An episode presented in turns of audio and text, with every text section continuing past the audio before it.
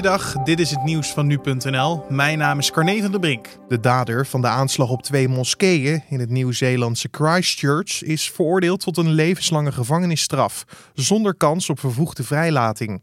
Bij de aanvallen op 15 maart 2019 werden 51 mensen gedood. Dat de 29-jarige rechtsextremist uit Australië schuldig is bevonden, komt niet als een verrassing. Hij gaf eerder al toe schuldig te zijn aan 51 moorden, 40 pogingen tot moord en het plegen van een terroristisch misdrijf. Tijdens de rechtszaak toonde de schutter geen brouw. De man heeft verklaard alleen spijt te hebben dat hij niet meer personen heeft gedood, al dus de hoofdaanklager.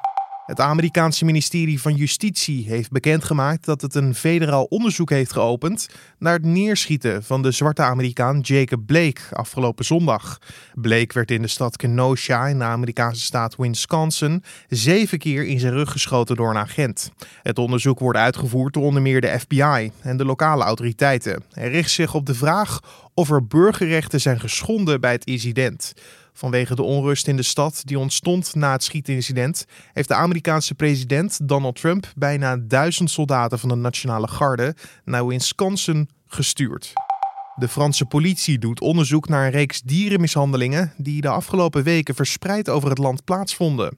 Er wordt onder meer gekeken of de mishandelingen te linken zijn aan satanisme of aan een internetchallenge, al dus The Guardian. Onderzoekers hebben specifiek de eigenaren van paarden en ezels in Frankrijk geadviseerd om waakzaam te zijn, nadat zo'n 15 dieren dood of zwaar gewond werden aangetroffen. In veel gevallen waren de oren, ogen, melkkorven of andere lichaamsdelen van de dieren verwijderd ook waren in veel gevallen de geslachtsdelen van de dieren verwond. Elf populaire merken van paracetamol die in Nederland te koop zijn in supermarkten, drogisterijen en apotheken zijn niet vervuild met de kankerverwekkende stof PCA. Dat blijkt uit onderzoek van NRC en het televisieprogramma Zembla. Het gaat onder meer om huismerken van Albert Heijn, Kruidvat, Jumbo, Ethos en Trekpleister en paracetamol van Panadol, Livzane en Sanias. In geen van de pillen werd PCA gedetecteerd.